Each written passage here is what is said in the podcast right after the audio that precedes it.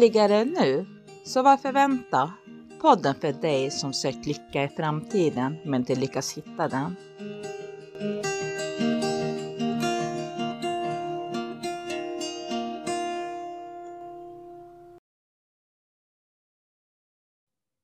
Hej Niklas, Hej Filip! Hur är läget idag? Tack, det är bara bra. Själv då? Härligt, härligt. Ja, men det är, det är rätt så bra med mig nu också. Mm. Faktiskt. Um, skönt att få, um, få jobba lite med det här i alla fall eh, en stund idag. Ja, lite, du, lite skön, skön stund tillsammans. du har ju varit lite, li, lite däckad av, av, eh, av eh, olyckan som inträffade där tidigare. Så att, men skönt att se att du är på benen och att vi kan köra podd och, och så. Och så som sagt, vi, vi ser ju varandra och, och det är alltid roligt att träffas. Liksom. Mm. Absolut. Absolut.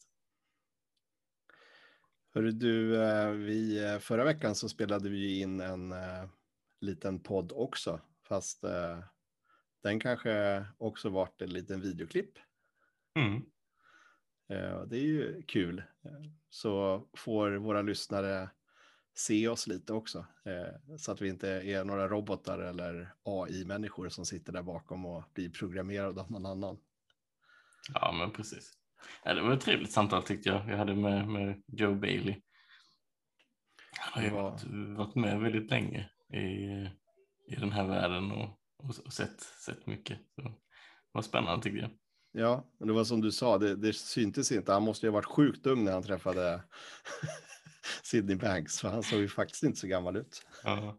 Han måste ju vara precis runt 20 då. Han, han, var ju, han var väl ganska ny som ehm, ja, eh, psykolog.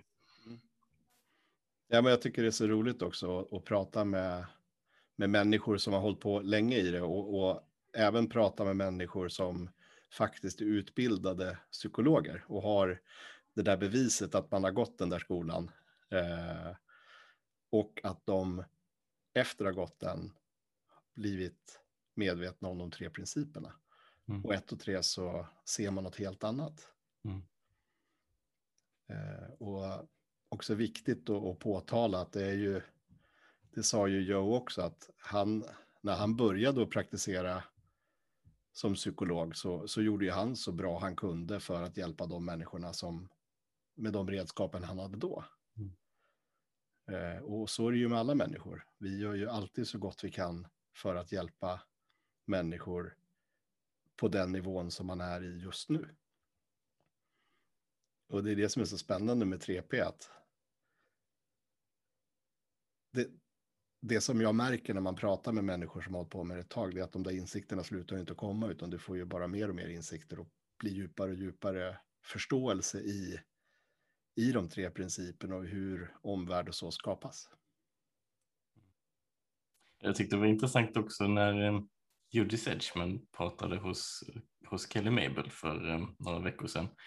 Och, och, och hon hade ju gjort lite tvärtom resa jämfört med Joey.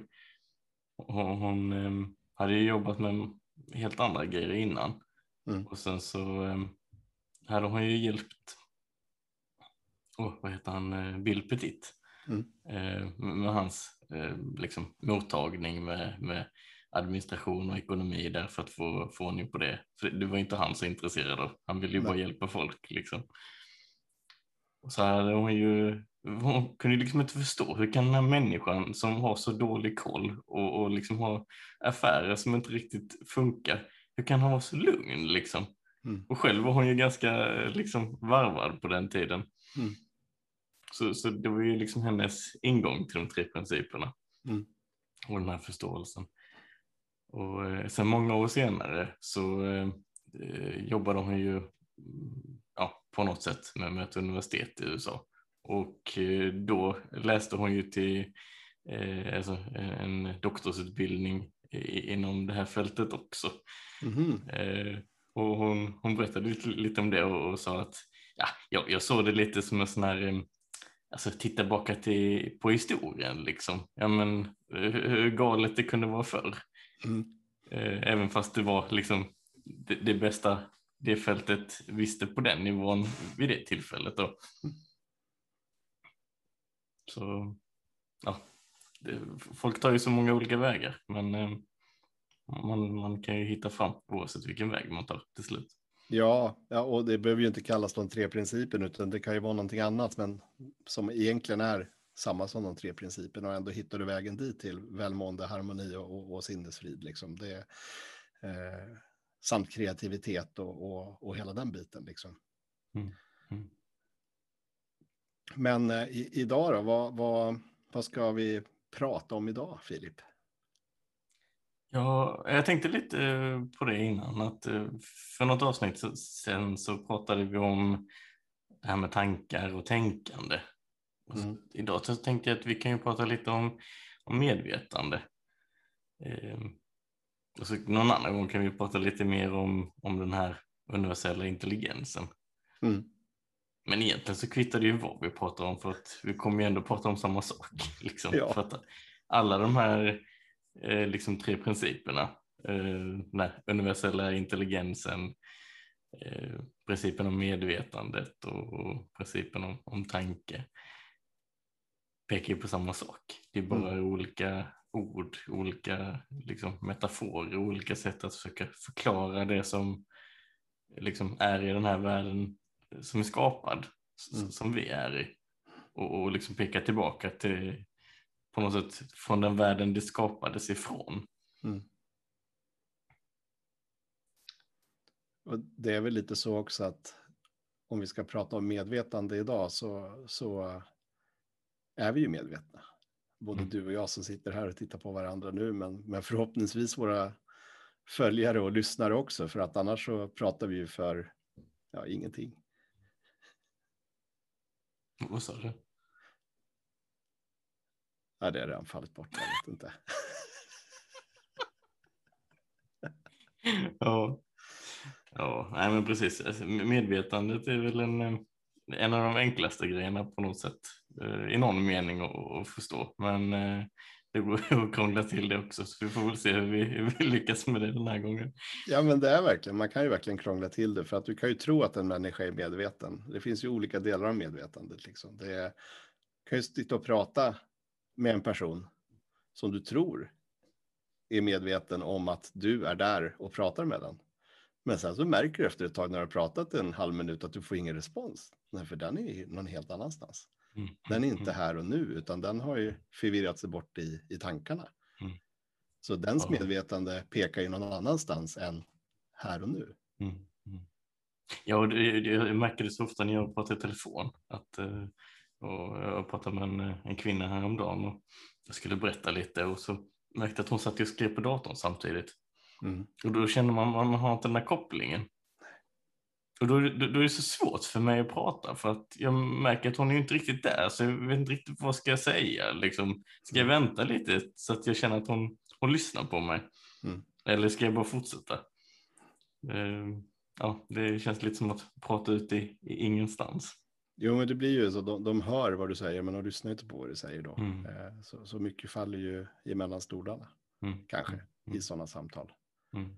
Så att, att vara medvetande finns ju olika dimensioner på. Liksom. Mm. Men om vi tar liksom själva grunden i det här, själva medvetandet, mm. så eh, var det ju Alan Flood som sa ett bra citat i ett eh, webbinar som jag lyssnade på för, för ett tag sedan. Mm. Och då sa han så här, consciousness is love and any other feeling is suspect.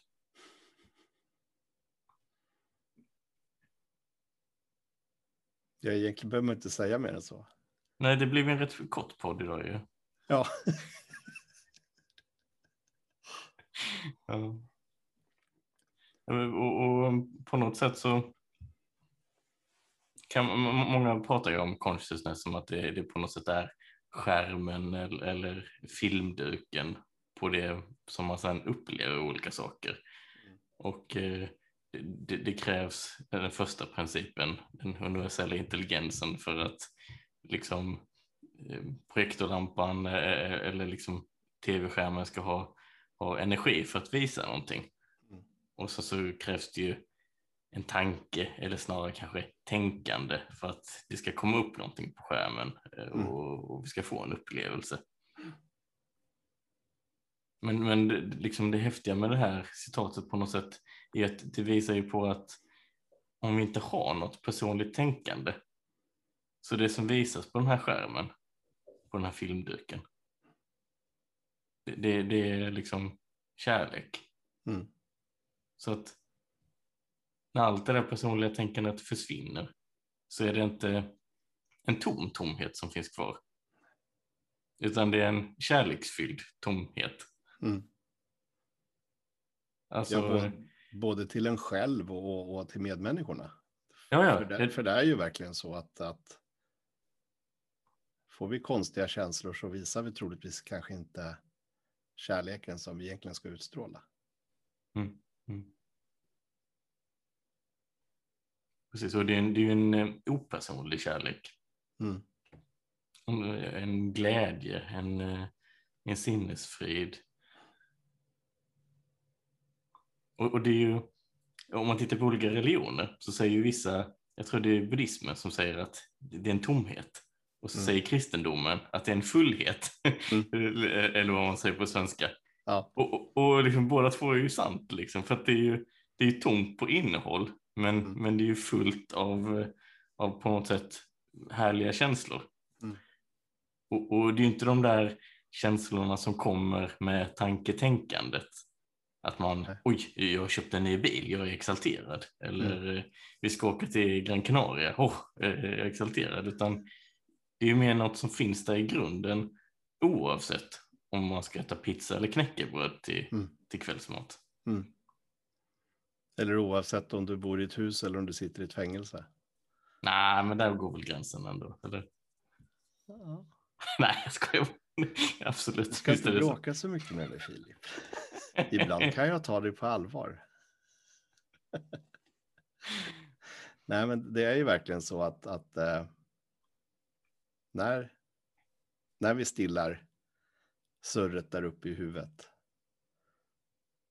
eh, och bara landar i medvetandet så är det ju en tomhet som är fylld med potential. Och det enda sättet att komma åt den potentialen är ju faktiskt att få surret att stilla. Och bara vara tyst eller lyssna på en lugn låt som kanske får en i rätt sinnetillstånd eller prata med en person som kan vägleda en dit. Att hitta tillbaka till hemmet. Hitta tillbaka till den sanna jag. Och det är väl det som är så magiskt att som du och jag när vi har gått utbildning, att när vi sitter i en grupp med 10-12 personer och blir vägledd in i det här sanna jaget och alla hittar sitt sanna jag så är det ett och en oerhörd gemenskap.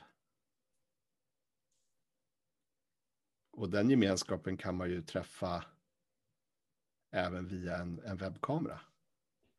Absolut. Eller totalt ensam ute i skogen. För vi är aldrig ensamma. Vi är alltid sammankopplade. Men det täcks av allt det som vi tror måste göras eller inte göras.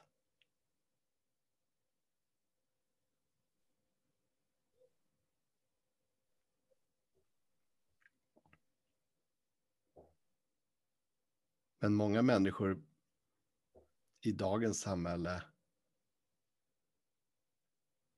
vågar kanske inte sitta still ett tag och sitta tyst eller, eller gå till en coach och prata med dem och, och som pekar dem i den riktningen att de hittar hem.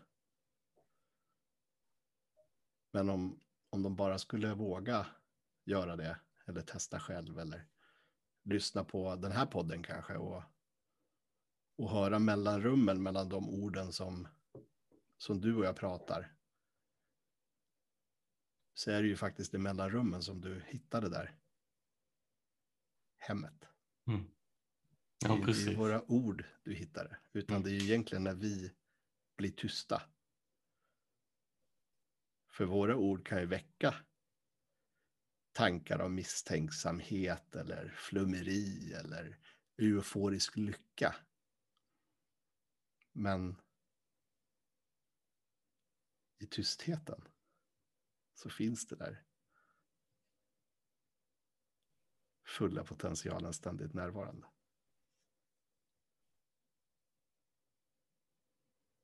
Mm. Ja, men precis. Det, det kommer ju med den här känslan. Eller the feeling som man säger på, på engelska. Och um, hittar man den lite djupare känslan själv så, så är det ju liksom den bästa vägen mot, mot fler insikter och, och bättre förståelse. Och när man har liksom börjat gå på den vägen, det är då de här orden som vi säger kanske faktiskt får någon betydelse. Och man kan se någonting bortom intellektet där. Mm. Och, och jag tror lite innan man har fått den där eh, känslan så, var det för mig i alla fall svårt att förstå någonting överhuvudtaget på ett djupare plan av orden. Mm. Men för viss, vissa människor så tror jag att de hör en mening eller hör ett ord och så bara växte någonting inom dem och så får de en insikt Mm. utan att de har fått den där känslan först. Mm. Så det kan nog vara lite olika. Um, hur, mycket liksom intellektet skuggar uh, Mm. det där som, som finns bakom. Jo, men för, för mig så, så var det ju sättet att förklara hur våra upplevelser skapades som fick mig att bli nyfiken på de tre principerna. Mm. Men sen när jag väl har lärt mig mer om de tre principerna och fått mer insikter i det så är det ju medvetandet som, som det på något sätt alltid handlar om.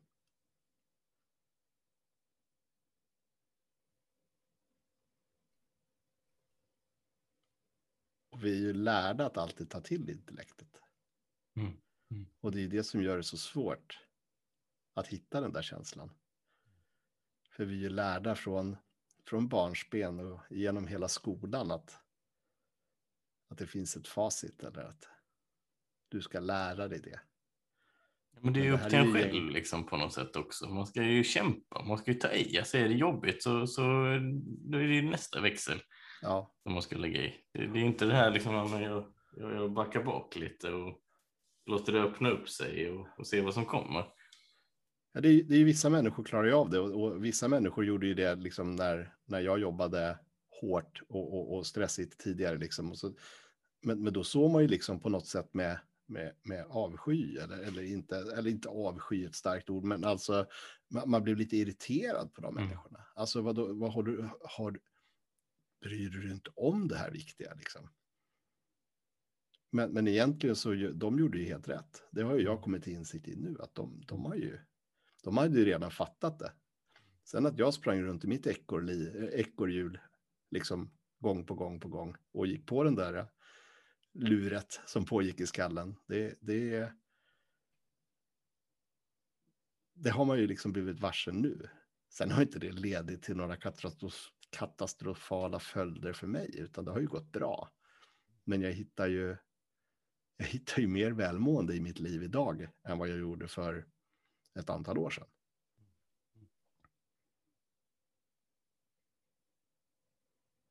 Sen finns det väl de som kanske sådär tycker att man behöver inte varken ta i så mycket eller reflektera heller. Som bara liksom, ah, det, här, ja, det, det där löser sig. Mm. Och det är kanske inte det vi pekar på, utan, Nej. utan det, är ju- det är ju mer liksom att eh, kunna luta sig tillbaka, göra något annat en stund, kanske man behöver det och sen vara öppen för att se något nytt.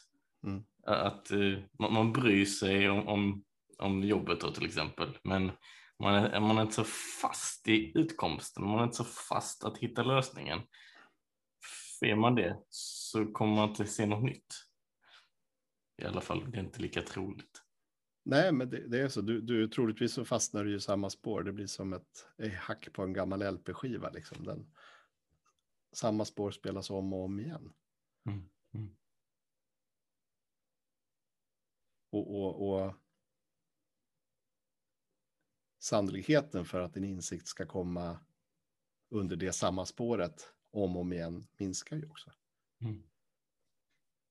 Precis, och jag kommer ihåg stunder innan när man hade jobbat så väldigt hårt, väldigt intensivt en dag. Man kanske var lite trött i huvudet då eh, när man gick hem från jobbet. Och så, eh, så bara kom en sån där känsla av tomhet över mig.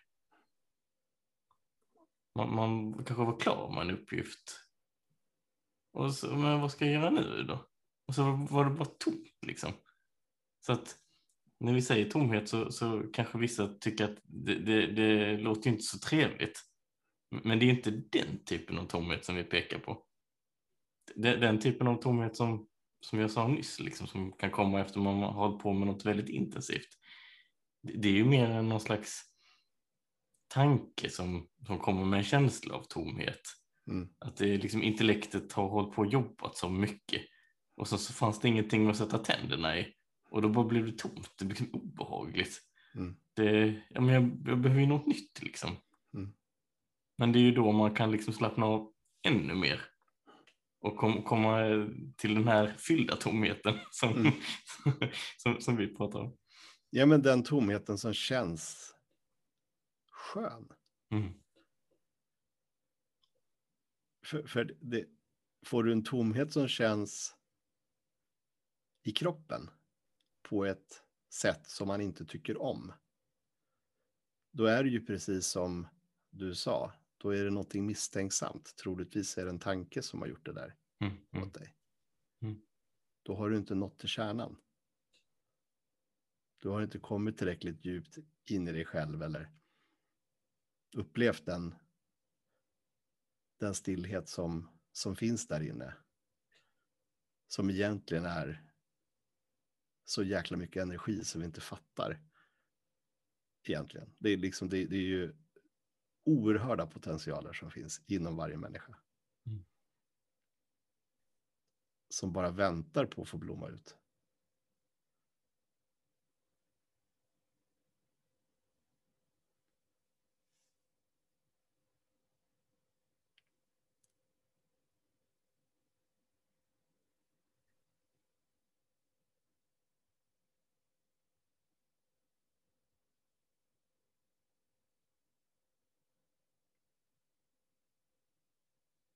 Men det handlar ju också om att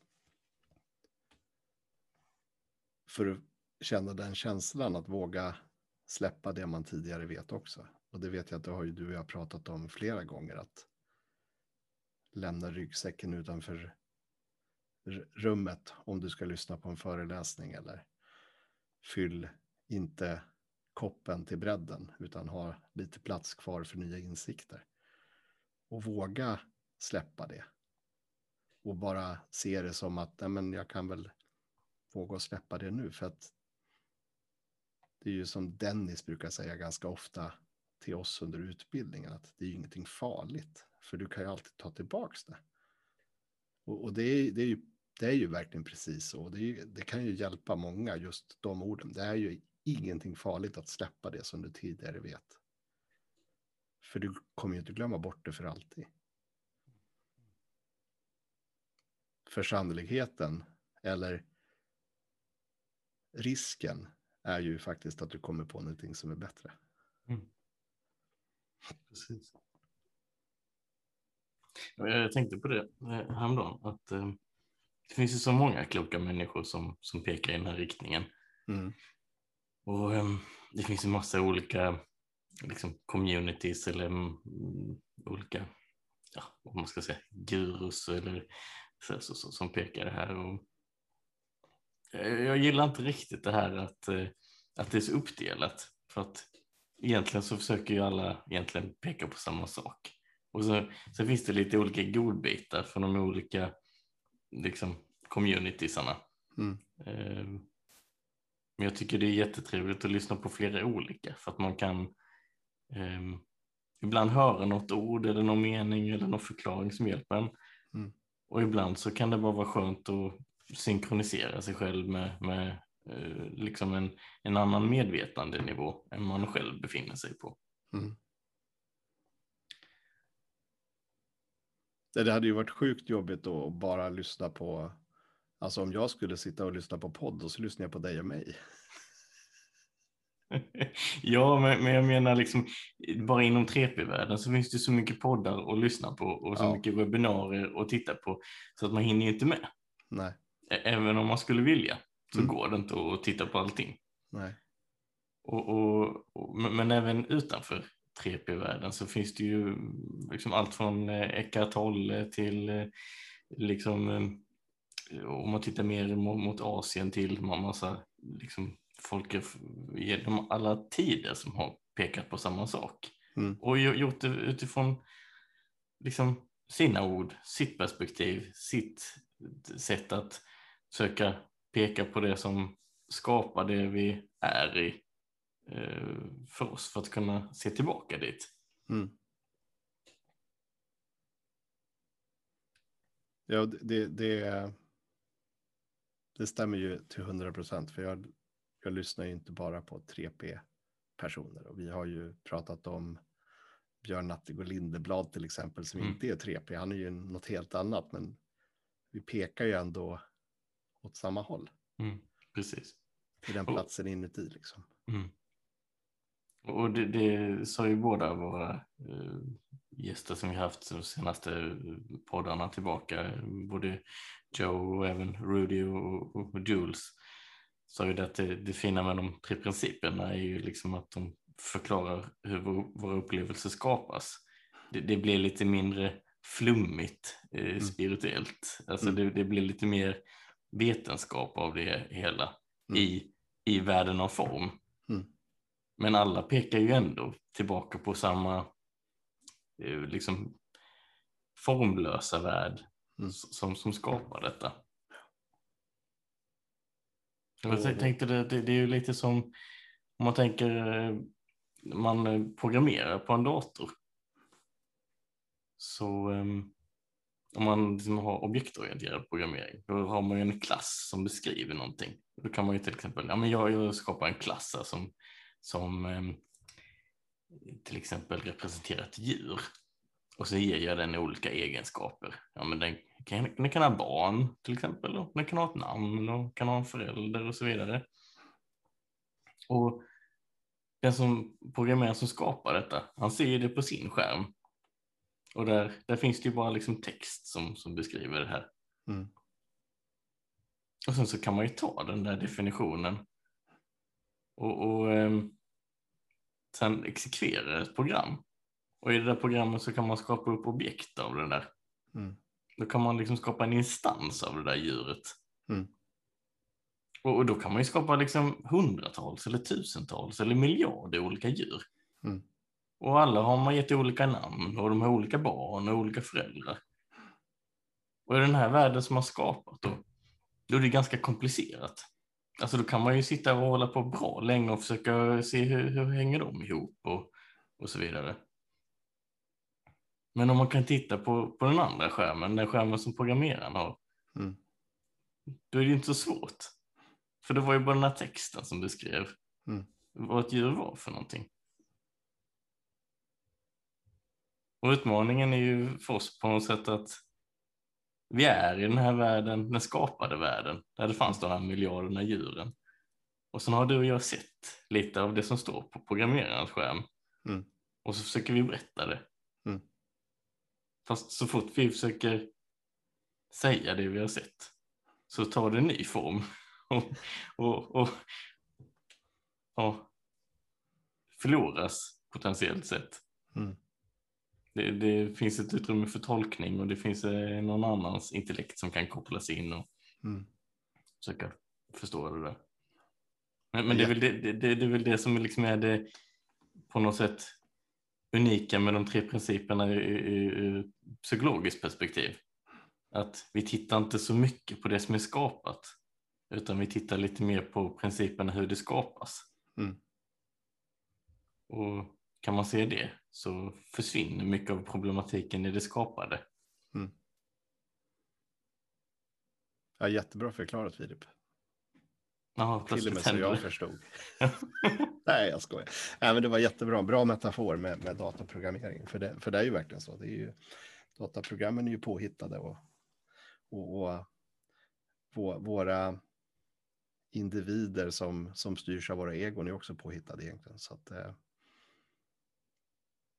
det, det gäller ju att komma bakom det där egot, även fast den kämpar emot att hela tiden synas att jag, jag, Mm. jag. Men, men eh, det är inte det sanna jaget. Mm, mm. Ja, men precis. Och det, det jag reflekterade över här- här- häromdagen också, det var att jag har sett att det finns, det finns säkert fler, men jag har sett att det finns tre olika typer av tankar. Det, det finns de, den typen av tankar som jag är medveten om.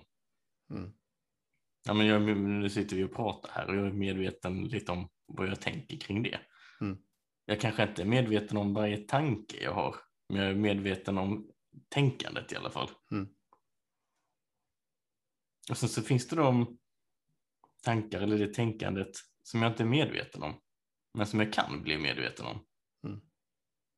Så, um, ja, men, så, som jag berättade i podden med, med, med Joe, att när jag kände mig yr innan, då kunde jag inte skilja på signalen att det var något fel på balansen och, och, och sen att det fanns tänkande efteråt. Men när det blev riktigt tyst i huvudet och jag var ganska liksom, fräsch, eh, nyvilad, då kunde jag ju se liksom, lite att ja, men där kom signalen och sen var det tänkande om det. Mm. Och då, liksom, då avslöjade man det lite. Då, eh, då var det inte så farligt. För då var det liksom signalen som kom var inte nej men du kommer ramla och dö nu. Utan det var en signal, det är något fel, alltså det var som en lampa i bilen. Det, det lyser, en, indikator liksom. Det är, något, Mm. det är någonting galet. Och sen behöver man inte få alla de där historierna som är associerade med det. Men det går, det går att upptäcka dem. Om, om man är öppen för det. Mm. Men sen finns det det där tänkandet som som jag liksom inte kan se. Men som jag kan känna. Så jag, kan, ibland kan jag känna att jag har en spänning i huvudet till exempel, eller i kroppen någonstans. Men jag, jag vet inte vad det är för tänkande som orsakar det. Men jag kan slappna av. I bästa fall. Mm. Och ibland kanske man behöver bli distraherad av någonting. Eh, Ja. Jo, men ibland så rä- räcker det att bli distraherad av det också. Alltså, Mm, för att det ska försvinna. precis. Och det är liksom det är en tredje typ på något sätt som som verkar hända men som, som jag inte riktigt är medveten om Nej, vad det är för något. det är gött att höra dina hund, hundar igen. Ja, ja det, det var länge sedan de var med här. Ja. Ja. Men det här med olika nivåer på medvetande, eh, Niklas, det har ju lite Mm. med det här att göra också ja. Det är... Om, om, du, om du har en, ett, en, en högre nivå av medvetande så har du ju lättare till att, att uppleva världen av form på ett mer harmoniskt sätt. Eh, saker som, som tidigare kanske gjorde ont då i kroppen gör inte lika ont. Men det tyder ju egentligen på att det är exakt samma sak som hände tidigare men din medvetandenivå är, är högre upp så att du låter inte den påverka dig lika mycket. Eller du tänker inte på det lika mycket. Medan när du när du har en lite lägre medvetandenivå så kan ju vilken sak som helst få dig att bli irriterad eller Mm. vä- väcka, väcka känslor i kroppen. Och sen så finns det någonting där mitt emellan, men det där är ju någonting som hela tiden från varje sekund kan förändras blixtsnabbt. Mm, mm. Absolut, och ibland så kan jag uppleva att jag har en hög medvetandenivå men sen så märker jag att jag har inte det. Nej. Innan så trodde jag att det var mängden tankar, mängden tänkande som, som styr medvetandenivån. Men det har jag ju sett senast tiden att det stämmer ju inte. Nej. Det är en, en faktor som kan påverka. Mm. Men det, det är ju liksom i den här skapade, sk- skapade. Ja, det är, det, det, i, i, i, i programmet, alltså när Mm. du har exekuterat, exekverat programmet, det, är- det är ju där som, som det händer. mm, Men ser du koden bakom det som du förklarade så bra så behöver du inte gå in i det så mycket. Eh, och går du inte in i det så mycket så, så kommer medvetandenivån komma tillbaka, den kommer bli återställd. mm, Lika fort som den gick ner. Och ibland så kan det ta lång tid. mm, mm. Men ofta så när, när det tystnar lite i skallen så kommer det ofta någonting till en vad man borde göra. Mm. Ja, men, eh, ja, nu ska jag säga det igen. Man kanske behöver vila lite ibland till exempel. Ja, då kanske det kommer till en, ja men då gör jag det. Då, Ja, men det är helt enig. Eh, och, och det kan vara att nej, men jag måste gå och dricka lite vatten. Mm. Mm. Eller jag måste ta en paus från det hårda arbetet jag gör just nu. Mm. Mm. Och det behöver ju inte vara fysiskt arbete, utan det kan ju vara intellektuellt arbete, tänkande arbete. Mm. Som, som gör att, att kroppen signalerar på någonting. Mm. Absolut. Eh, Så är det. Och också när jag säger vila så ibland så betyder det kanske att man lägger sig på sängen och en annan gång så betyder det att man kanske går en promenad. Mm. Det, det är olika sätt att vila i olika funktioner på något sätt. Ja, men, och, och jag menar, sitter du på jobbet så, så kan du vila genom att bara vända dig om kort, titta ut genom fönstret. Det är också en form av vila ifrån Mm.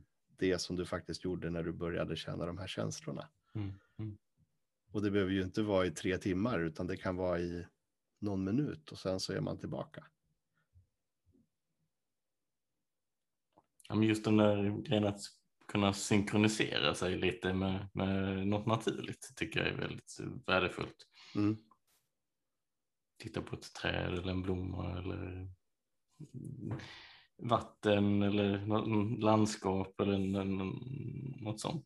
Kan ju på något sätt både vara lite distraherande och också att man kommer i kontakt med sin vad ska man säga, sitt naturliga jag eller sitt inre jag eller Ja, eller bara titta på en annan människa mm. på kontoret. Det kan ju kännas lite creepy att börja stirra ut någon, men det behöver man ju inte göra, men man kan ju bara titta. Och landar du då i den högre medvetandenivån och det lugnet som vi sa både var tomhet och full av potential så händer det någonting. Mm. mm. Apropå det så sa ju Eckart Tolle, han sa ju det vid, vid något tillfälle att eh, det finns ju till och med hundar som är så glada så att om man tittar på dem så eh, liksom börjar svansen gå.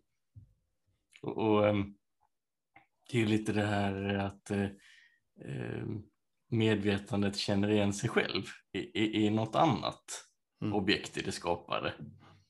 Alltså i den här världen av form så, så finns det olika instanser som är medvetna och eh, ser de varandra så, så kan man få den här kopplingen och, och känna igen sig. Mm. Och det är väldigt tydligt på, på hundar, liksom, att om de ser en annan människa i ögonen så, så blir det ofta en reaktion. Eh, Men mina hundar de, de nöjer sig inte vifta på svansen utan ofta så är det ju en full eh, kärleksattack man får Ja. när, man, när man tittar på dem. Jag tyckte det var lite roligt liksom. Ja, vifta på svansen, ja jo, om det, om det var så lite.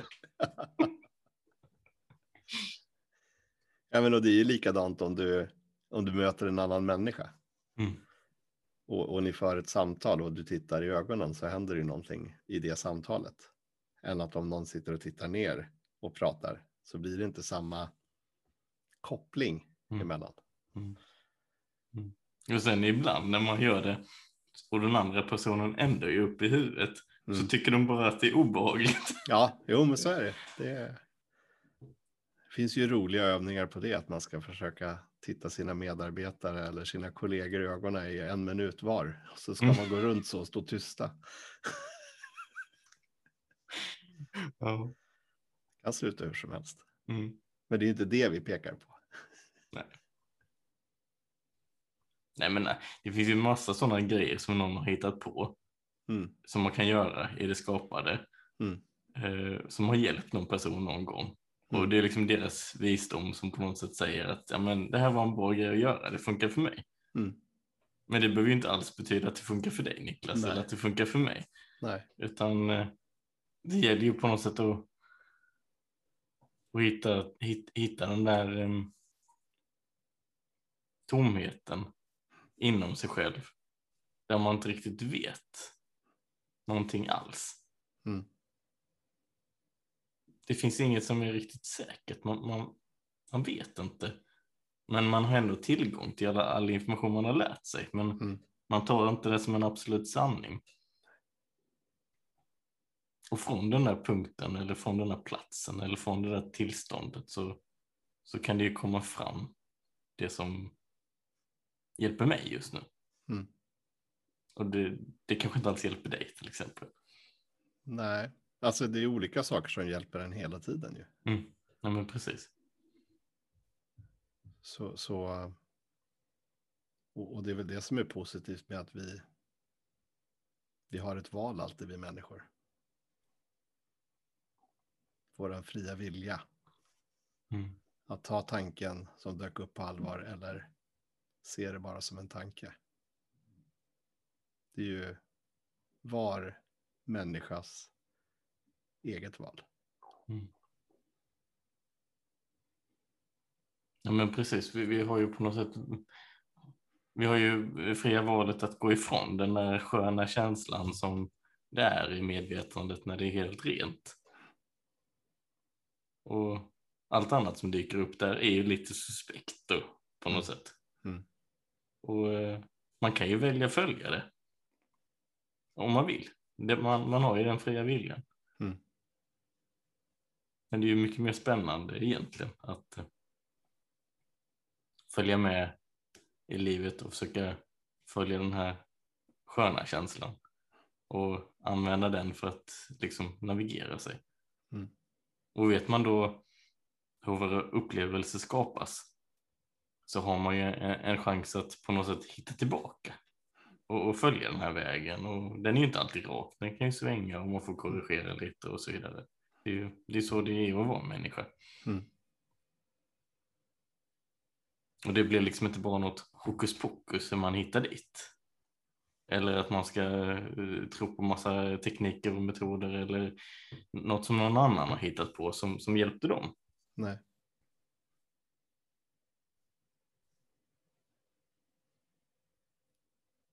Det är bara att gå tillbaka till sig själv. Mm. Det är så roligt nu tycker jag när man lyssnar på eh, musik som jag har lyssnat på i massa, massa år. Och alla de artister som jag tycker bäst om är sådana som får mig tillbaka till den där känslan. Mm. Och nu när jag lyssnar på det så kan, man, kan jag komma liksom ännu djupare eh, in i den eller ner i den eller till den eller vad man Mm. vill säga för någonting. Ja, de väcker någonting i det som, som gör att det blir lättare att, att gå in i den känslan. Mm. Och när du väl har kommit in i den känslan så växer det ju bara starkare och starkare. Mm. Och det är just det där mellanrummet som du sa innan. Att Mm. det, det, ofta så i den typen av musik så, så är det liksom inte platt ljudmatta som bara ligger utan man, man kan liksom höra att där är en gitarr och där är något ja, munspel eller och där är någon som sjunger och, och så vidare. Och när man lyssnar på den typen av musik så är ju gitarren jätteintressant men den är ju inte intressant utan tystnaden mellan. Nej, utan tystnaden emellan hade det ju låtit förfärligt. Mm. Och det är därför vi är tysta ganska stora stunder i den här podden. För att det ska inte låta förfärligt. Nej, Det är ju där det händer. precis. Nej, men det är verkligen där det händer. När man får uppleva det själv på något sätt. Mm.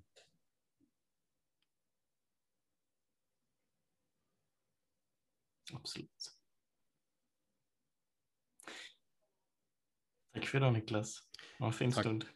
Tack för idag Filip. Ja, mycket bra stund och ser fram emot nästa. Ha en fantastisk helg. Detsamma.